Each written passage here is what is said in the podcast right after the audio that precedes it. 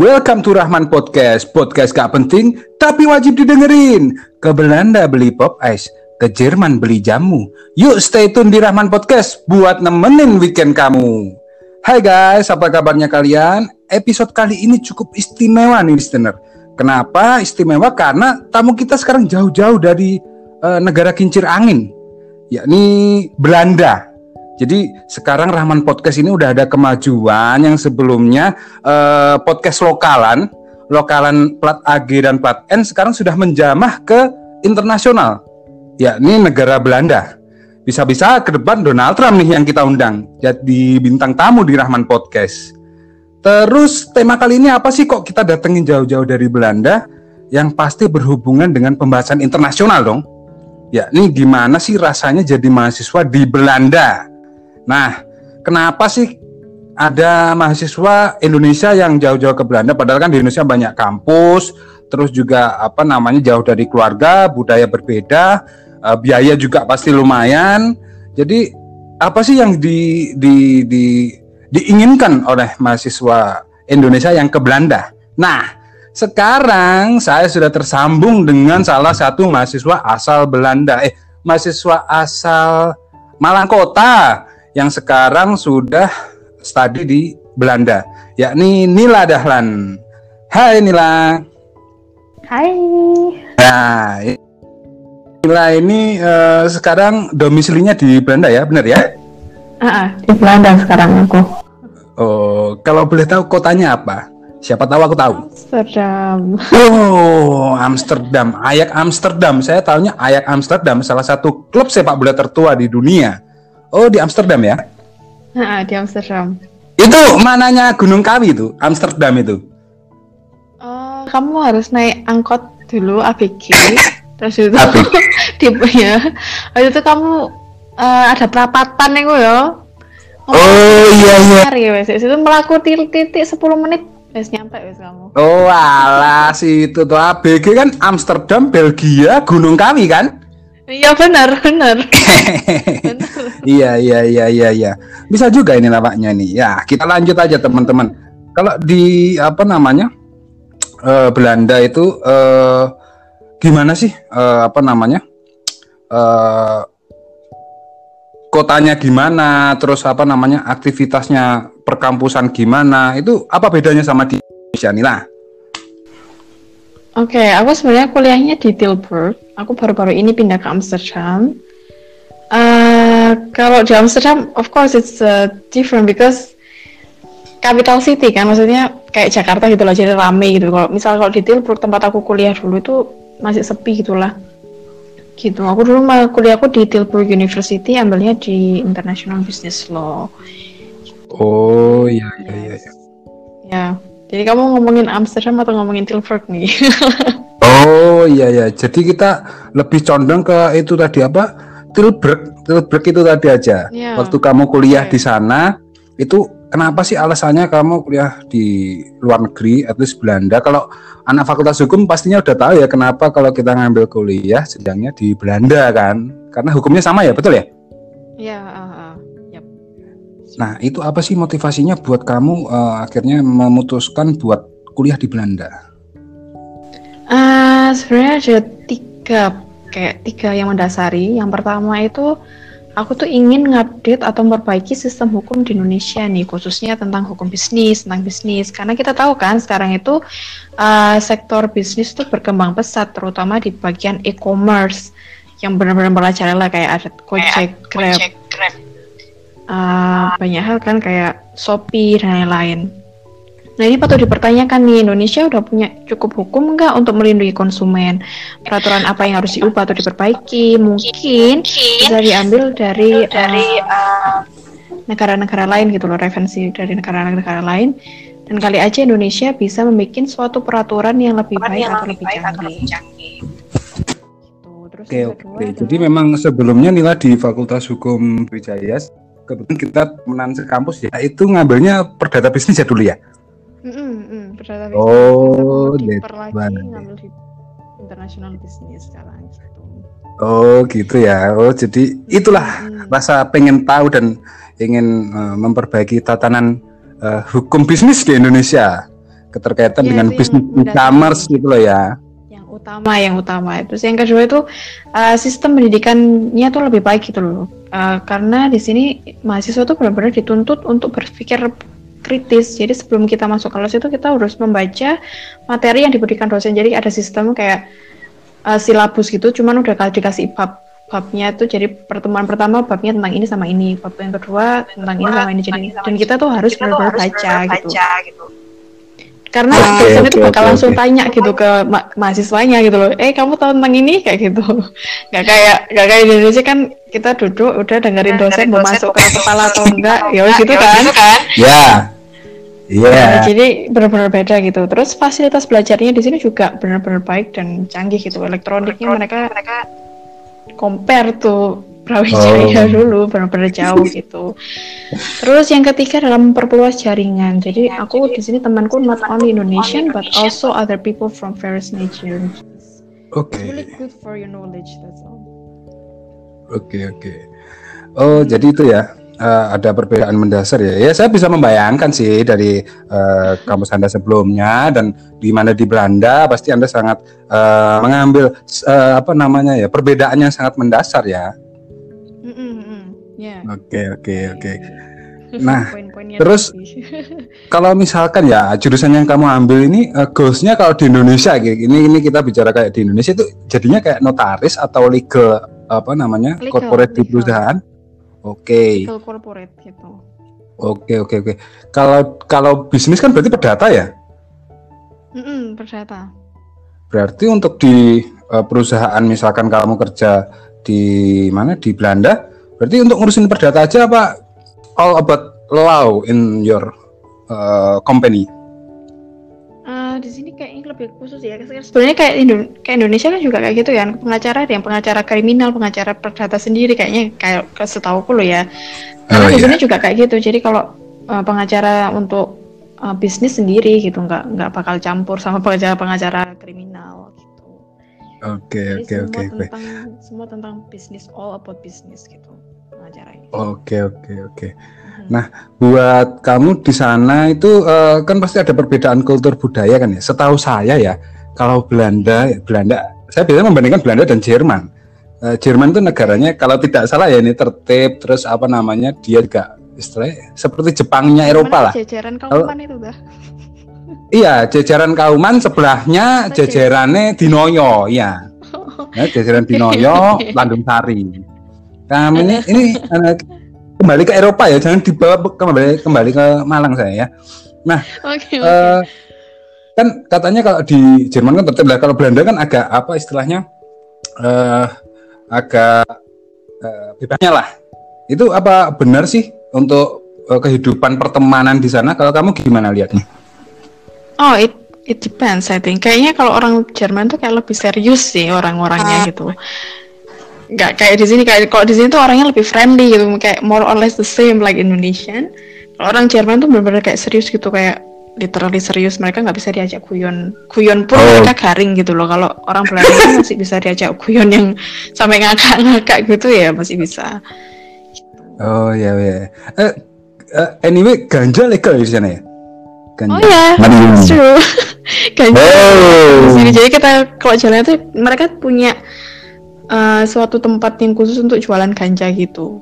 Literally. Kita mereka bilangnya adalah coffee shop, like tanda kutip coffee shopnya kayak kayak literal coffee Oh. shop. It sell ya weeds ganja. Mungkin sedikit sedikit pertanyaan. Red line itu apa ya? Red red light. Red light.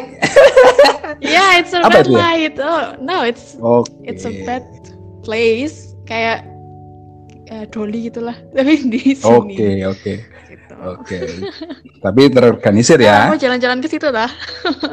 Antar iya. Iya, saya kan merah-merah apa ini kok.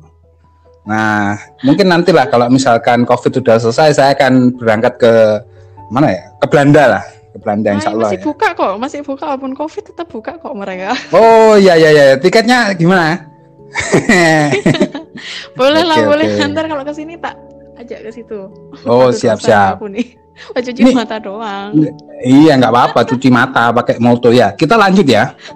Kalau Oke. kamu di Belanda itu apa ya oke kita bicara mengenai pertemanan eh, bisa bisa bercanda lah, oke easy lah. Mhm, Cuman mhm. kalau misalkan eh, mahasiswa di Indonesia kan eh, identiknya dengan anak kos-kosan, dengan anak yang eh, misalkan encu, apa bukan nyuri wifi ya, nunut wifi, terus misalkan eh, apa namanya makan cuma lalapan kalau di Malang misalkan eh, ngeprint ngantri di rentalan, apa kalau di Belanda juga gitu atau rich rich semua? Eh, enggak sih kayak kalau di sini tuh mereka ya anak kos-kosan juga, cuman mereka kadang untuk nambah-nambahin duit mereka mereka kerja part time gitu. Jadi kayak kerja di kafe atau jadi pengantar makanan kayak gitu delivery guy. Dan untuk ngeprint setiap tempat atau di em, kampusku dulu tuh benar-benar banyak print-printan di mana-mana dan sampai di depan kelas pun itu ada tempat untuk ngeprint gitu loh. Jadi benar-benar gampang nggak sampai ngantri-antri. Oh. Oke oke oke. Ya, Ternyata ya lebih orang di sini Iya, makanannya orang di sini nggak kayak di Indonesia orang makan lalapan gitu kan. Di sini makannya saladnya doang, rumputnya doang dimakan. Oke, mbak ini jadi mbak di sana kamu. Oh gitu ya. Di sana Iya. makan nasi gak sih? Jual nasi gak sih? Warungnya? Ada, ada, ada jual nasi, ada. Hmm. Oke oke oke oke. Jadi jadi eh, kalau perbedaannya di sana lebih terorganisir lah, lebih tertib lah intinya ya. Mm-mm. Dan seperti di film-film ternyata ya kalau orang di luar negeri mahasiswa juga kerja juga ya. Iya, heeh. Kalau di film kan kebanyakan jadi apa namanya? Apa? Kalau di franchise ayam goreng itu kan di depan nama apa namanya? Ya kasir terus yang melayani itu kan, mudah-mudahan kayak gitu kan ya. Mm-mm. Mm-mm, kayak gitu. Oh, iya oke oke oke. Nah, eh sekarang apakah eh, dalam kurun ini ya? Ini ini udah berapa berapa lama ini ke eh, di Belanda ini? Udah berapa lama? Hmm, dari tahun kemarin, September, Agustus tahun kemarin. Pernah nggak sih ngerasa homesick baik dari keluarga atau makanan atau suasana di Malang? Iya, I- kayak I think like every people like you know, kayaknya semua Oh. anak kos-kosan itu pasti merasakan homesick ya, walaupun orang di Malang terus habis itu kuliahnya di Jakarta pasti mereka juga homesick sama sih kayaknya. Em, aku merasakan homesick itu ketika awal-awal kuliah itu benar-benar kayak culture shock dan benar-benar homesick kayak aku pengen pulang banget gitu. Cuman di sini tuh banyak restoran Indonesia for your information. Jadi ketika aku pengen makan uh, sate atau pengen makan batagor aku tinggal beli aja gitu dan bumbu-bumbunya juga uh, masakan tentang Indonesia juga ada gitu karena orang Belanda sendiri sangat suka gitu loh mas dengan masakan Indonesia gitu jadi anything Oh, from Indonesia oke. you can find it easily in here like that Oke. Eh, I think uh, different you and uh, many many college in there. Uh, if homesick, uh, the distance is not very very far. If you is very very far, yes, oh alright. yeah indeed In Europe Yeah, and indeed. Asia, Yeah. yes, you is very very far. You cannot. Yes, you cannot go home like uh, Surabaya and Malang. You can go to Arjosari, but you cannot. Yes, yes, yeah yeah. yes, yes, yes. Eh, kita lanjut ke pertanyaan selanjutnya. Nah, sekarang ini apakah Nila masih kuliah atau sudah kerja? Ini sekarang Ah, ini aku udah lulus kuliahnya sekarang aku kerja di mana? Ah, PT-nya apa? perusahaan Kebun Agung ya? Jadi konsultan hukum, jadi konsultan hukum, cuman di satu perusahaan gitulah rahasia perusahaannya. Oke oke oke oke oke. Posisinya juga itu legal cor- corporate itu. Mm-mm, mm-mm, mm-mm. Oh ya ya, ya. jadi ya eh kamu sekarang udah kuliahnya cuma setahun berarti ya? Iya kuliahnya cuma setahun di sini, jadi kayak spesialis gitulah. Kan kalau di Oh. Indonesia tuh kayaknya dua tahun ya untuk Mm-mm, Di S2. sini cuma setahun. Oh D1 ya kamu di sana? No, S2. Oh ya ya ya ya. Di kamu S2 di sana. Eh terus Ah. kalau biasanya keseharian kan eh banyak yang pakai bahasa Inggris atau bahasa Belanda ya? Teman-temannya, teman-teman kamu. Ah, pakai bahasa Inggris mereka. Karena di sini juga orang Belandanya juga bisa bahasa Inggris kayak benar-benar bisa Oh. bahasa Inggris semuanya gitu. Walaupun Oh. Orang tua-tua yang umur 60 70 yang kakek-kakek itu mereka bisa ngomong bahasa Inggris. Oh, tapi kalau Belanda ya little-little kamu bisa ya? Atau Iya, many-many kamu bisa? Little little. little. little little Little deh Little. ngomongku little little juga Fong Fong Fong Fong gitu ya apa in London in London gitu ya Iya.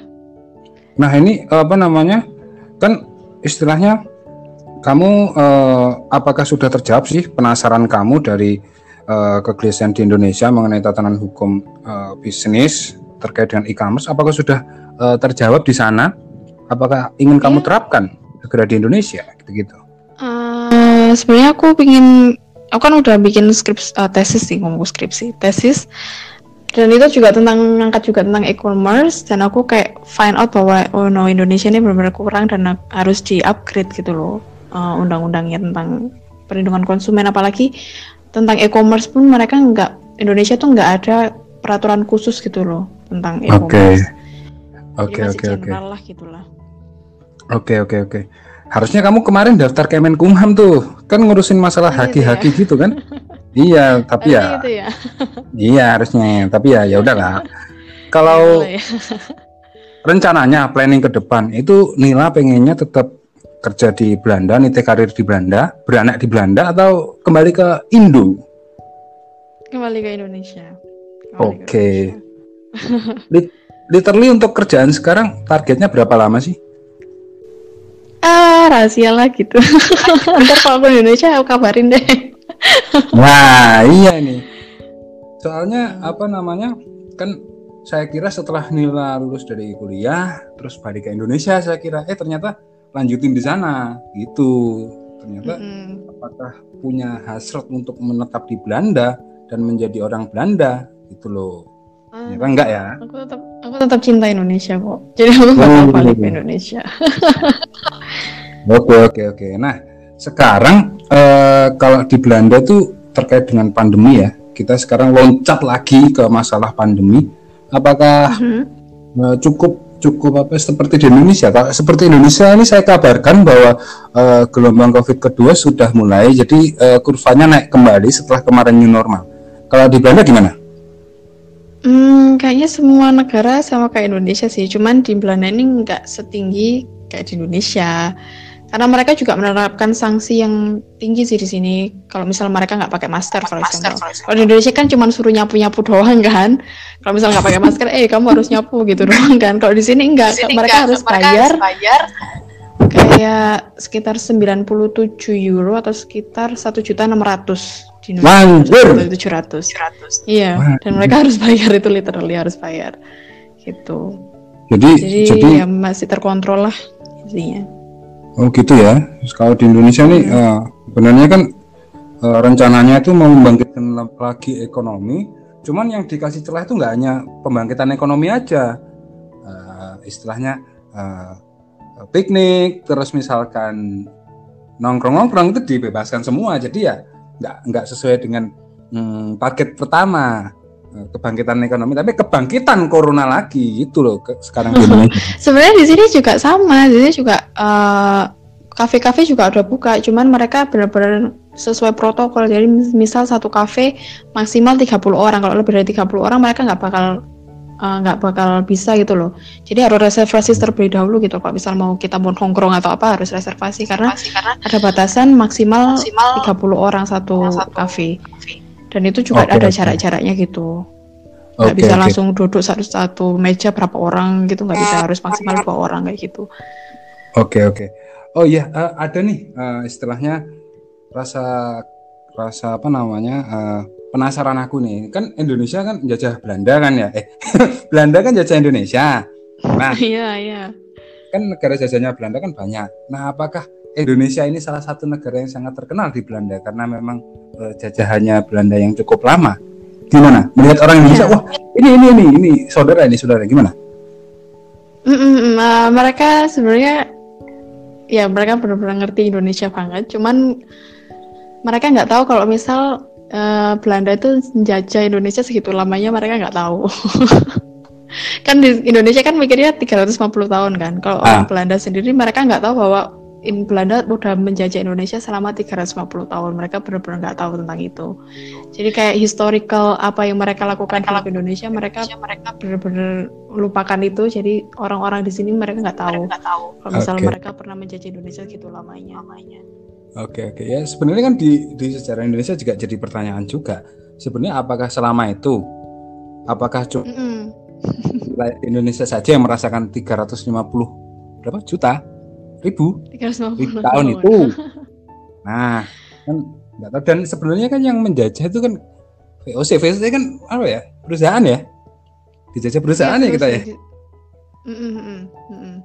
Jadi itu sih kalau dikatakan dijajah Belanda ya mengatasnamakan negara ya ya nggak tahu sih. Aku bukan pakar sejarah. Saya juga apa bingungnya di situ. Nah untuk mempersingkat waktu biasanya di Mhm. poin terakhir dari podcast saya ada yang namanya rapid question jadi Oke. seperti namanya rapid question adalah aku ngasih pertanyaan cepat dan kamu harus jawab cepat pula dengan alasannya oke Oke. are you fucking ready eh ready ya Iya. Oke. Iya. First, ini jujur ya, enak kehidupan di Indonesia atau Belanda? Eh, Belanda. Belanda. Alasannya? Karena kalau Belanda itu semua itu kayak terorganisir gitu loh, kayak enak aja gitu loh, kayak or- orangnya tertib, eh, situasinya juga enak gitu kan, dan everything is better. But kalau di Indonesia tuh aku lebih sukanya karena aku dekat sama orang tua gitu kan, dekat sama keluarga. Kalau di sini kan benar jauh gitu loh. Tapi kalau misal aku disuruh milih, aku mau tinggal di mana, aku milih tinggal di Indonesia. Oke, oke, oke. Jadi kalau enaknya lebih enak di uh, Netherlands ya? Mm-mm, mm, karena lebih teratur ter- dan terorganisir semuanya. Oke, oke. Orang bisa naik sepeda tanpa khawatir ditabrak sama motor gojek ya? Kalau misalkan di Oh Belanda ya? ya, aku di sini ke mana-mana naik sepeda pancal loh, di Oh iya, saya sering lihat itu di apa namanya TV. Ada bunga tulip juga ya? Iya bunga tulip, cuman karena kemarin ada covid jadinya dipotong semuanya. Oh iya iya iya. Nah, second question. Pengen bersuamikan cowok Indonesia atau non Indonesia? Ah, kayaknya setiap orang itu sama sih sebenarnya. Cuman kalau aku suruh milih, aku milih orang Indonesia karena Wah, wah. karena sama budayanya sama-sama budaya Indonesia gitu kan. Terus cara berpikirnya juga sama. Terus kita bakal lebih gampang untuk berkomunikasi gitu. Karena karena misalnya aku pakai uh, I mean have another like I have a boyfriend or husband from another country it will be difficult to communicate. Tahu kan? Kadang kita mikirnya apa, dia nangkepnya apa gitu loh. Ya, ya, ya. Ya, ya. Jadi itu alasannya. Terus third question. Cita-citanya Nila itu kan tadi pengen kembali ke Indonesia. Kerja jadi apa sih rencananya itu? Hmm, jadi pengacara atau konsultan hukum kan? Ya. Wow. Wow, ya jadi di karena Indonesia- just it's Iya, my passion, that's all. Oke oke oke. Jadi rencananya Nila kalau ke Indonesia kalau nggak jadi lawyer, jadi apa namanya konsultan hukum ya, konsultan hukum ya. Sebenarnya sama sih antara konsultan hukum dan pengacara itu sebenarnya sama. Cuman kita beda penyebutan aja. Gitu. Oke oke oke. konteksnya sama. Konteksnya sama ya. Oh ya, ini ada pertanyaan titipan juga nih dari para listener nih. Ini kan istilahnya kalau Nila kan apa namanya Muslim ya. Kalau di Belanda apakah ada rasisme terhadap eh, kaum Muslim? At least kamu kan jilbaban juga, jadi kelihatan banget. Ada nggak sih? Apakah Mhm. kamu pernah mengalaminya? Enggak sih mereka di sini friendly sih dan banyak, ada beberapa masjid gitu. Tapi masjidnya masjid Maroko sih. Dan di sini juga banyak banget orang-orang pakai jilbab itu benar-benar banyak. Dan masakan Oh. halal pun juga banyak. Jadi mereka cukup friendly untuk uh, orang-orang Muslim. Gitu. Oke oke oke. Kalau Nila sendiri apa namanya? Eh eh, wait wait. Oke, saya lupa. Nah, eh, ini terakhir nih. Apakah ada pesan-pesan buat teman-teman yang apa namanya di Indonesia eh, seperti teman-teman KKN kita? Mungkin ada salam-salam buat Daus, Nila, Sofi atau teman-teman kamu sendiri yang sedang di kampus. Silahkan, waktu dan tempat dipersilahkan. Oke, eh, untuk pesannya kalau misal kamu punya cita-cita tuh just keep going and never give up. Karena kamu tuh kalau menginginkan sesuatu tuh just work for it, jangan pernah setengah-setengah. Apa pun rintangan atau challenge yang akan kamu hadapi nantinya, tetap berusaha untuk lewati itu karena hal itulah yang menjadi ajang pembelajaran atau gembelengan untuk diri kita sendiri gitu loh.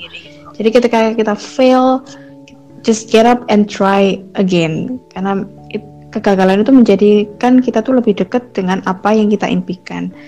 Dan ketika kita berusaha dan berdoa, saya tuh yakin kalau misal Allah itu pasti kasih jalan gitu itu kalau untuk uh, salam-salam ke teman-teman untuk keluarga Iyu. I will miss you guys. Really miss you and I hope we can meet another time. Oke okay, oke. Okay. eh B B B B. By the way uh, saya kan sering hmm. tuh main ke jadi nilainya punya uh, suatu kampus di Malang. Saya sering tuh main ke sana. Saya juga ketemu iya. mamimu di sana. Waktu nyanyi lah andai kan dia tahu aku temannya gitu kan ya masa langsung eh hey, tante gitu saya temannya nilai kan nggak ya gitu aja sih anyway aja terus oh, iya. uh, apa namanya jadi itu ya pesan-pesan dari Nila yang pasti semoga bisa kita serap lah kalau pengen cita-citanya tercapai ya hadapi semua rintangannya jangan ragu jangan takut betul ya Nila ya mm-hmm. Mm-hmm. oke okay. terima kasih banget Nila atas apa waktunya di Rahman Podcast ya Semoga Nila sukses terus, sehat terus, keluarganya amin, semuanya juga terus, dan yang pasti bisa meraih cita-citanya untuk menjadi uh, lawyer dan juga konsultan hukum tadi. Ya, amin, amin. Ya, cukup sekian teman-teman podcast kita bareng Nila. Uh, untuk hari ini semoga kalian bisa terhibur. Jangan lupa follow terus di media Spotify untuk tahu update-update update-update terkini mengenai episode-episode uh, Rahman Podcast selanjutnya. Baik, kalau gitu bye bye. Bye Nila.